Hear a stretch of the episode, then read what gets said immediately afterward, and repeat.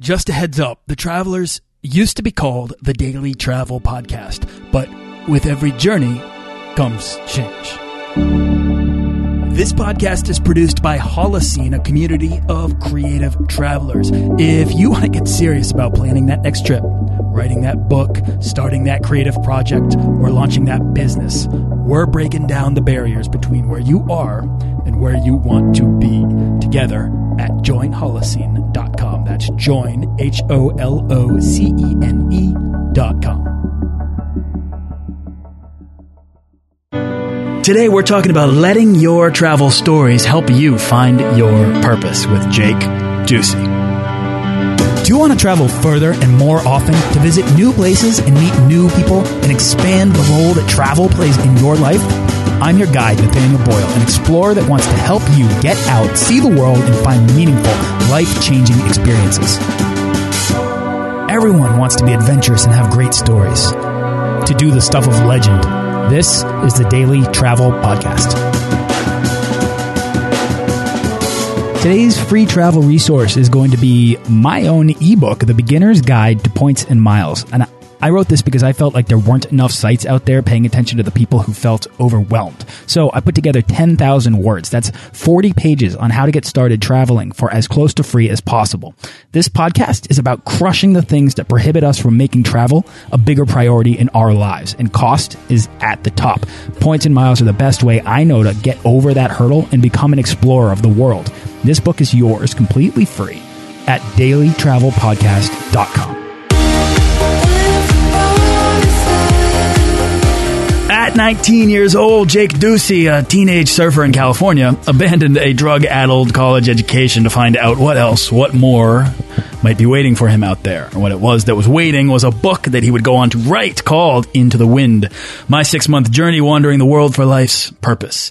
Now, the travel experience affected him so deeply that he promptly returned home to raise funds for an orphanage and school that he ran into in Guatemala and launch a motivational speaking career to help young people find self-reliance in an increasingly connected society and world. Now he's just released his second book, uh, The Purpose Prince.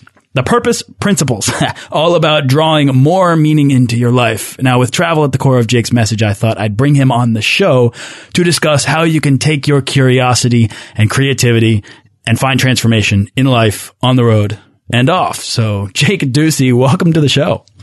Thanks for having me, man. Thank you for the very warm introduction. You are warmly welcome here, sir. So I gave a kind of a little overview of you, but I need you to take take us back, man. Who are you? Where are you from? And uh, how'd you get your start traveling?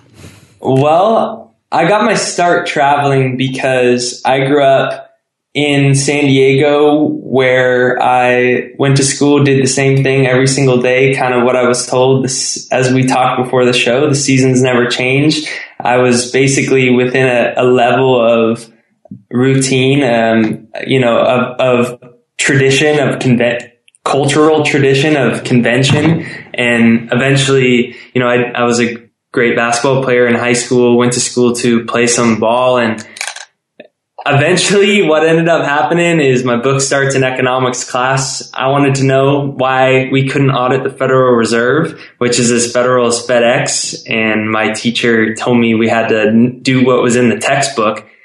That's when I realized that the best education probably for me wasn't going to be found in school. And the next best thing I can conclude was to learn through uncertainty, which is what I believe travel really gave me the opportunity to do. And that, that uncertainty was really a curiosity to find out more outside of this really narrow confines to which I thought life was and myself was and the world was. And, and that's really what Into the Wind is about. And, and that's really at the core is what, is what drives me is, is experiencing more things outside of what I usually do.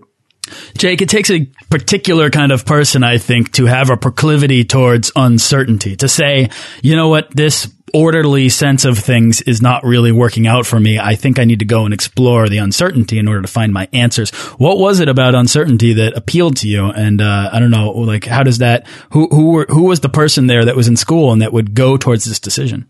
Yeah, well, I think that if everything's set out and planned like all the hours of my day all the time, it feels the opposite of freedom. I think there has to be a certain level of uncertainty to not know what's going to happen or else it's like, I just feel like I'm stuck inside like this little like matrix thing. And, and that's how I started feeling when I was a freshman in, in high school and or in college rather. And what actually happened was, you know, as I was sharing, I, I found this curiosity to ask questions as a freshman in college, which began with wondering about economics things too. I wonder what it's like around the rest of the world. And I think that when we grow up in our Western world, we pretty much, it's like, here are your five major choices in college and you can do this, this, this, or this for a job. You can do this, this, this, and this. And here's how we spend our time. And it's like, it kind of is just this mold that we're within. And, um, it can't be going that well, this mold, if, you know, we have increasing wars, increasing economic deficits. If America's education system were like the, the 23rd most literate developed country in the world, like it's obviously not going that well if we just look around at, at everything that's happening. And I think like Mark Twain used to say, if you're on the side of the majority, it's time to pause and reflect. and that's kind of what happened to me. And I think that's something that a lot of people are becoming more and more increasingly interested in is life outside of what we know as life. I love that. So to me, Jake, the best expression spurs, you know, like from the the freedom to explore the unknown. It comes from not from uh, painting by numbers, but by going outside and seeing what happens when you just start exploring new things. And you try to ex you experiment with new ideas uh, and you you begin to connect disparate ideas to create new connections that people hadn't thought of before that you hadn't realized before. I think the best education then is travel perhaps not if you want to you know uh, work for a law firm or a bank but if you want to actually feel confident about the decisions that you have to make in life um, if you want to feel informed about the way forward uh, and the path towards happiness, which I, I know is definitely the thing that you are exploring. That's the road that you're going down and you're trying to shine a light down. Uh, how did the book come out of your first trip? What, what, at what point on your first trip, where did you go? And then at what point did you say, I think there might be like, maybe this is a book? well, I was always inspired by writers like Hunter S. Thompson and, and I, I really liked the book On the Road and I, I could never write though. I failed junior English class in high school. I never thought of myself like I was the least likely to ever be a quote unquote writer. And I mean, what happened, man, is I traveled around, I backpacked around, I started in Guatemala and I saw that, you know, maybe it's totally true that like happiness really doesn't come from the things that we obtain. Like there's most of these people don't have much of anything and I see, I saw them wake up excited every single day, even though they had the same clothes on from yesterday. And, you know, that really stuck with me everywhere I went from Guatemala into Australia. I went into Indonesia and, and really what prompted the book was I was at about my fifth month of traveling and I was in Indonesia. I had lost my, my, some of my wallet with my bank cards. I didn't have my passport and, or I did have my passport and I did not have my wallet with my bank cards. And that gave me an opportunity to like, I kind of started trusting the culture more in Indonesia and I spent more time with locals, like, you know, where they, at the food stands, they would like feed me and stuff like that. And I'd just hang out with them. And that gave me an opportunity to like really step as far outside of the box that I could have thought I could have stepped out while traveling. And one day these guys that I met are like, I want to take you to my favorite waterfall. It's going to be incredible. And we were on the island in uh, Bali of Indonesia and their favorite waterfall was in Lombok. So like imagine here you are, you know, you're, you're really on the, on, on the, on the outskirts of, your travels, really in, in the local environment and you take a boat to another island and these guys are like, we're going to our favorite waterfall. And we hop on these motorcycles out there and it's starting to rain and I can see how far away from people and, and civilization we're going. And, and it was probably the farthest removed I'd ever been. Um, and as we kept going, we started go climbing up a mountain and it's raining pretty hard. And you know, once we, we park these motorcycles in the mud, basically in the rain, and when we get there, yeah, I know that you and I'm sure all your listeners can really relate when often when we go to a, a foreign culture, especially a place like Indonesia, the trails are not paved like they are here in Los Angeles. Our trails right. are pretty much paved. So we're climbing rocks. We're like, oh, we're going to get up here, favorite waterfall. It's going to be incredible. And it is. It's pretty incredible. We get all the way up and it's magnificent. It's so beautiful. I'm so far removed. I'm so, I just feel so like, wow, I didn't know the world looked like this on other places. And that was really eye opening and we're having a great time and we start to head back down so we can go back down the mountain, catch the boat back to, to the other island. And we're heading down. It's pouring rain. We're climbing up these big, like climbing now down these big, like boulder rock things with moss on them, just like in the, we're literally in the middle of nature and I slip and I fall and I fell like 10 feet and I like covered myself up, covered my head up into a ball and like saw my travels and like my life really like flash before me is like only a second or two, but it felt like, you know, 30 seconds where like all these voices are talking in my head. I can hear them above me. And, and I'm like, okay, if I like, if something happens, like, okay, at least I was doing something that I wanted to do. And like, boom, I hit the ground. And like, when I open my eyes and I like touch my, I'm like, okay, I landed on my side. Like, okay, did not hit my head. Uh, I open my eyes. I'm like, okay, arm, leg, everything's moving. Everything's moving. Like I'm bleeding, but like, okay, everything's moving. And I roll over all the way. And like in a split second of rolling over, I caught eyes. I, I caught one of them jumped off after me and I was able to see them jump. Oh, wow. Yeah. And I started cr- literally, I just started crying. Besides my mom birthing me, I say it's the most incredible thing that ever happened to me. Like the most, I never, somebody was willing to give me their, give their life to see if they could help me and I didn't really know them that well. Like I liked them and they liked me, but like I didn't know them well. It wasn't like we were friends for six months and or ten years. And Jake, how far was this fall? It, I fell about 10, 10, 12 feet. You know, I didn't. Okay. I happened to not have a, a measuring uh, stick with me, but you know, it was a good fall. Where like if I hit my head, like I just got it just I fell in a perfect way that like I got hurt and shaken up, emo- like definitely emotionally, but like I, I didn't get have the chance to hit my head. And I was kind of in these rock like ravine kind of thing. So the guy who jumped couldn't get down into me. And after about 30 minutes, I was able to get up on the rocks high enough where the other two men above were able to pull me up. Wow. Were you, how, how, how much pain were you in at this point? I wasn't in pain at that point. I was in this like I never had felt so much energy inside my body at one time. Like I could feel like okay, my arm, like I'm cut, and like I'm like okay, my arm's gonna be sore. My I landed on my hip primarily. Yep. And I'm like, yeah, that's gonna hurt. But like I was like, wow, what am I doing all the way out here? Like I, everything I was looking for was actually like within me, and that's when I was like, man like I haven't seen my friends or my family or like my, I know I left because I felt my, my world, the Western world is like human civilization, you know, I believe needs great changes, especially in the Western world. Like, you know, we have so many things that we have to face as a culture. And I felt like when I realized that, like, it wasn't about just like ditching everything. It was really just about finding my meaning and, and what seemed to give me meaning was I felt that I could, you know, perhaps inspire others to, to, to really step into, to uh, this life of meaning. And I decided to cut my travels. I ended with 14 days silent meditation in Thailand. And like, I just went home and I just wrote the book like as fat, like that was the only thing I did.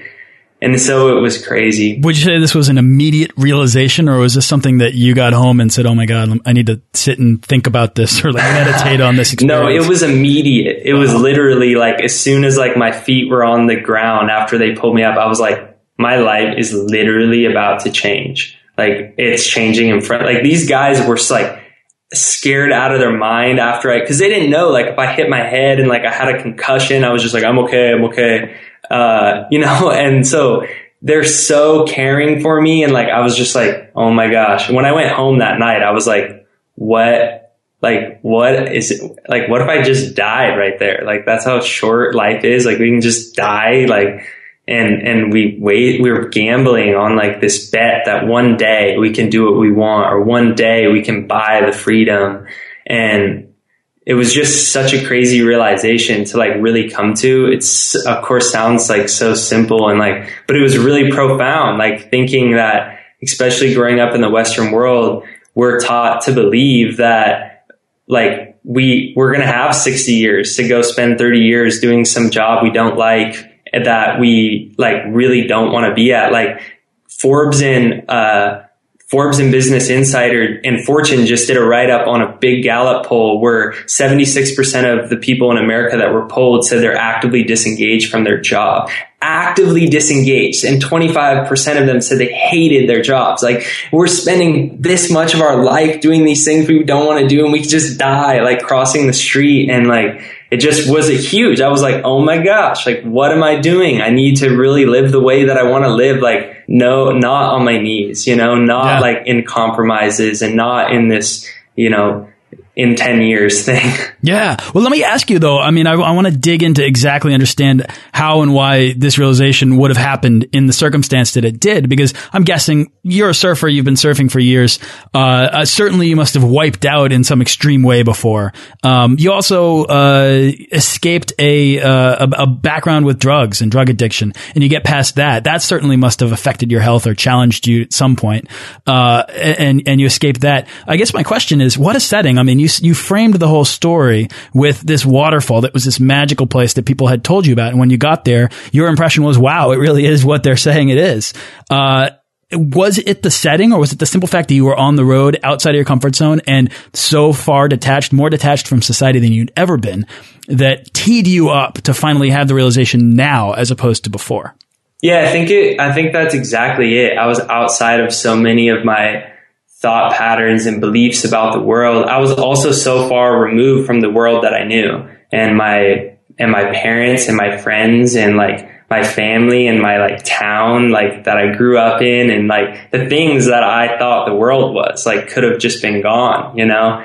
And yeah, I think it was definitely a, a bit of all that, you know? Um, it was the first, I, it's hard to say like when you're, when you're when I'm in a state of when I was using drugs and just like clueless about everything and, and so down on myself and down on life, like if you're using drugs like at a frat party and you're using like codeine or like Xanax and like whatever, you know, you're not, if, if you're on any scale, whether it's a super, super drug addict or someone who's habitually using it, but is still a little bit more functioning, like you don't really realize the effects that it's having on you at the time. So that definitely didn't have the same type of I guess, uh, firepower that I would say it had as a 19 year old when I was in Indonesia. There's something about uh, trauma in general. I think this happens, maybe massive trauma at home. Uh, I'm not going to speak to to any like extreme forms of trauma that I don't understand, but I will talk about.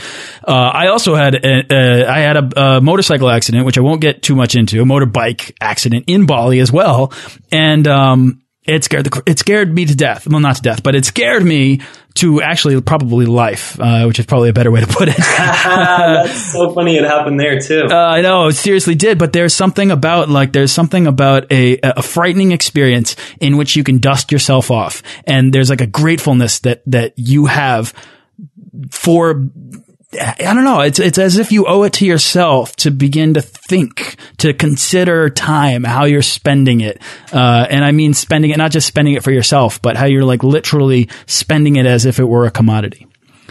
Yeah, that's beautifully said, and I think it's I think it's so true. Um, it's a you, you, said that beautifully. Yeah there's something about your story that resonates with me because because it happened in bali and because there was this time uh, travel has this amazing way of slowing down time because when you're faced with new experience you take it in you pay more attention to it. Time slows down and you create memories and stories that will last a lifetime as opposed to yesterday afternoon if i asked you what you did and you spent it at home it would be challenging for you to remember what you did even if it was yeah, easily yeah, predictable right Yeah. So I think that there's something about your story where it's like you are in this perfect position to have this realization happen to you and for it to come about in under that magical circumstance. Um, is amazing. It speaks to the fact that you went out, you traveled, you put yourself in an uncomfortable position and you had this transformational uh, experience simply from something that, you know, if you fell 10 feet back home, you probably, your friends might have been laughing at you. You might have dusted yourself off. You might be embarrassed, right? That's, that's, that's the really funny thing. It is, it is definitely a beautiful thing about travel. You know, something else that really also took me back was, especially when I went through countries that did not have the type of, uh, I'd say they call it first world and third world. I don't like that because, you know, in some ways they're first world and we're third world. But when I would go there and I'd see like sometimes, especially in Guatemala, you know, they had that really bad civil war and, um, America was like helping their government troops. Like people are still devastated. Like they, people were hundreds of thousands of people were killed by the government basically. And like, uh, to see around the world, like just the ex- sometimes the extreme poverty that people live in, where they're still okay, but like, come on, like it shouldn't be like that, and there shouldn't be this humongous economic disparity and this many people dying of malnourishment and and people's all their natural resources being stolen by companies that you know um, are loyal to no flag and they're these international corporations. Like all that stuff was really also affected me because one it made me realize how grateful i was for my life that like um, i'm probably there's not going to be like an army of troops like going to come like kick my door down or like bomb my house.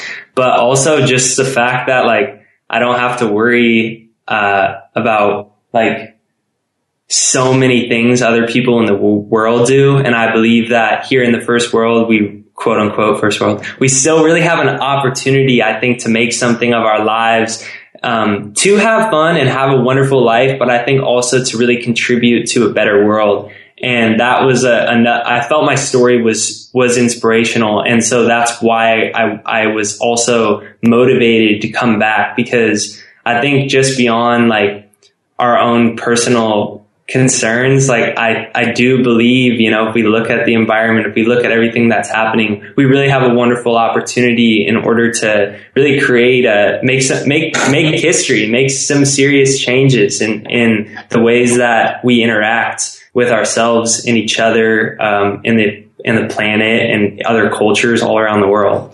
You know, uh, I, I, love what you're saying because travel does have this way of sort of porting your mind into new states and helping you to sort of recognize your own station in life. And um, that you know, that's I think that's why it's such an effective medium for change. Um, that it it gives you this opportunity to to recognize exactly who you are, where you are, and but for fortune, you could be anyone else. Um, and I think travel sort of you you're speaking like you have like you found this calling like you like you you suddenly have this perspective on this thing that you need to go and do. And travel helped you do that. I think travel in general can help a lot of people who don't know what their calling is life what their calling is in life. Maybe what their creative mission or purpose is. Uh, i think travel can help people find that. Um, and i think that the stories that we find along the way, the ones that resonate with us for the rest of our lives can help guide us towards those decisions. And the people we meet and the ways in which we help each other find our way, those are the best stories. So I'm wondering, who did you meet in Guatemala that kind of led you to come back and say, I want to help rebuild or what, what, was it about the orphanage you did? Build an orphanage? Yeah yeah i'd love to talk about that. When i went to guatemala i went to lake atitlan and lake atitlan is a really beautiful place. It's like 14 little villages around this big lake three volcanoes that imploded on themselves and and it's a really deep lake because the rainwater formed.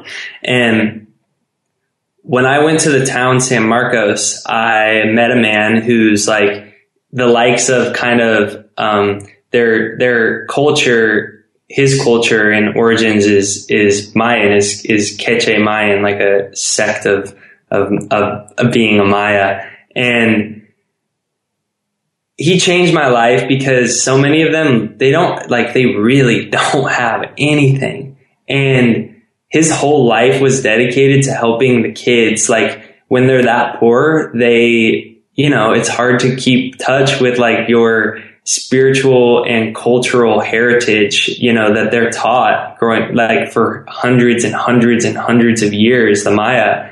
And they're just trying, like they're out on the street basically, you know, like, and he, ta- he has a, um, kind of like a center basically where you know he has his he he lives there but he brings people in there he teaches them Mayan yoga things about you know connecting to themselves and for him you know in, in the Maya culture it's connecting with like the universe connecting with Dios they call it God and like helping their their culture. And he changed my life because his story he was a kid when the government troops like ransacked his village and during the Civil War and they had them dig holes in the ground, the soldiers, and put and then they they had to go in the holes. And like they said, if you come out, we're gonna kill you. And two of his cousins died in the hole with him when he was a kid, and he didn't die. And he survived. The troops left and he got out. And like a lot of his family was killed during the Civil War. And his grandpa was still alive and his grandpa taught him about his heritage and culture and he lives his life to dedicating to that and to see a man live, really living like that in total service to his community that truly needed it. And you know there's drunks um, with with cut open faces that look like they need go to the hospital. Although, like, I saw a couple on the street the first day I was there because they, I imagine he got so drunk he split his face open when he fell. Like, there's things that they need help, and this guy's dedicating his life to it. And so I used some of my of my book sales to help them put up a, um, a basically a home that they serve as a school that doesn't teach them Western things. It Fernando, it's his name is Fernando and Fernando gets to teach these kids Mayan yoga and things about their heritage and culture that when they leave his place,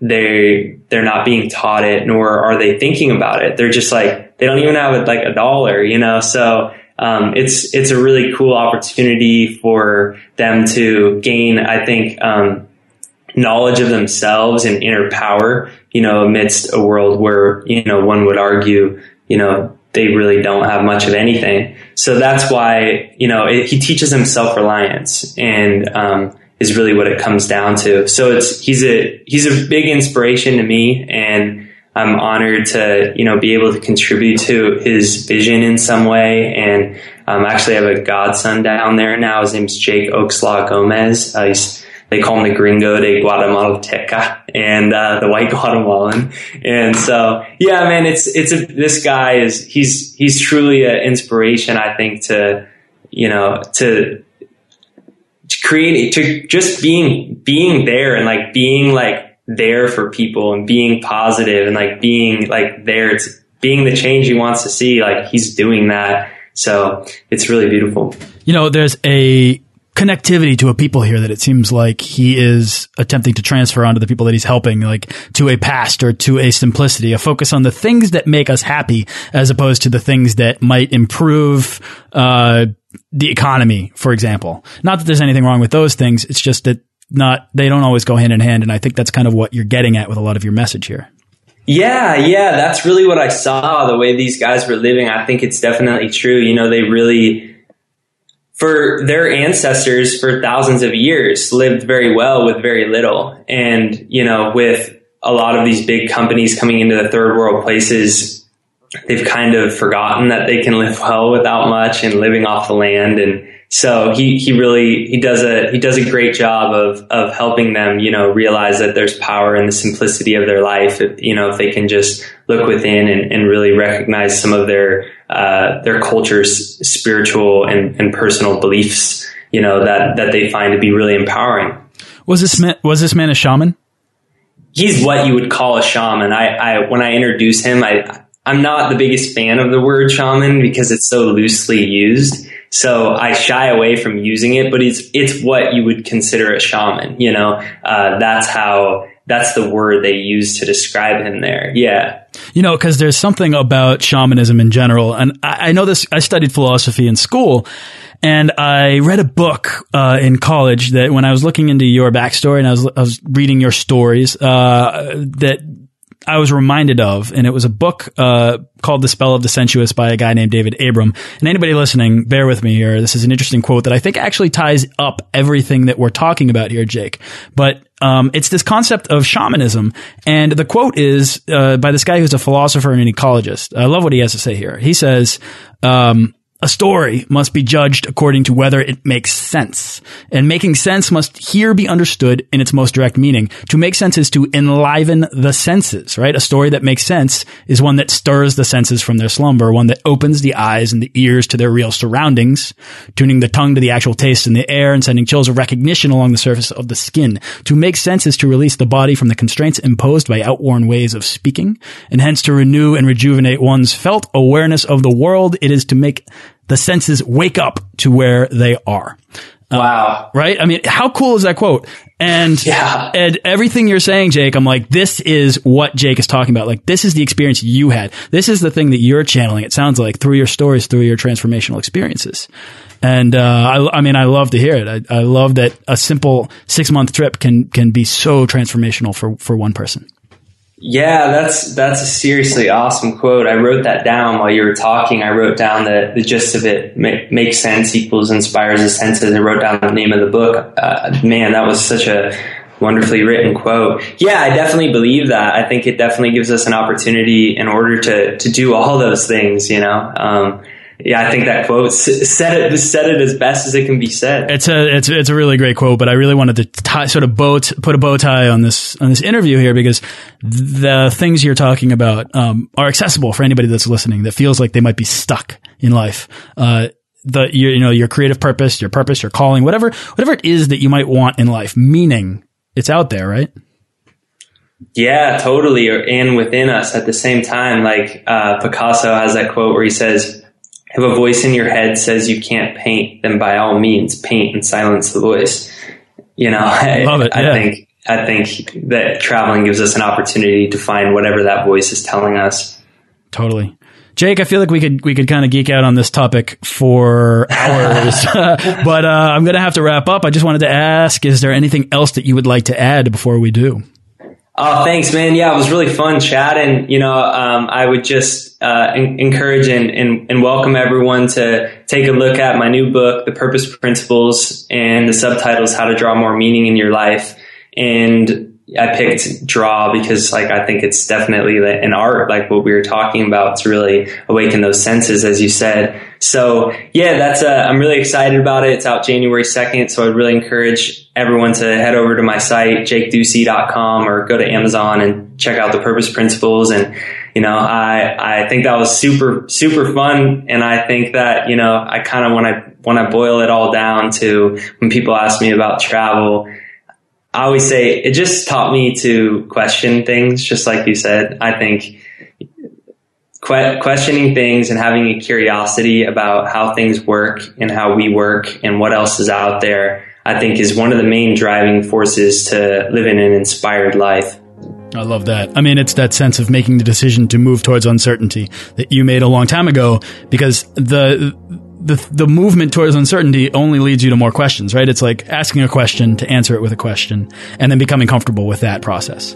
Yeah, and that's to me, that's freedom for sure. That's oh, I love that. Freedom is cool, Jake. All right, well, thank you so much for coming on. What's exciting you the most right now? Where's your next trip, or what's your next project? Man, well, what's exciting me the most right now is my book's out in 10 days, 12 days, and I've got a really, really big 2015 lined up. I'm doing a lot of traveling, but it's traveling for, um, I don't like to call this work. Like it's for my call. I feel it's my calling. Um, and I'm doing about 60 cities, uh, 60 city tour through wow. Canada, America, and Australia in oh, 2015 and just got a bunch of really awesome shows and interviews lined up. Um, and just really, really excited. I haven't explored too much of America, so I'm gonna be going to uh, every state except for Alaska. So I'm pretty excited, man. That's awesome. I'm so excited for you. Congrats on getting the book out there, sir. That's like very big achievement. Um, Jake Ducey, where can people go to find out more about you?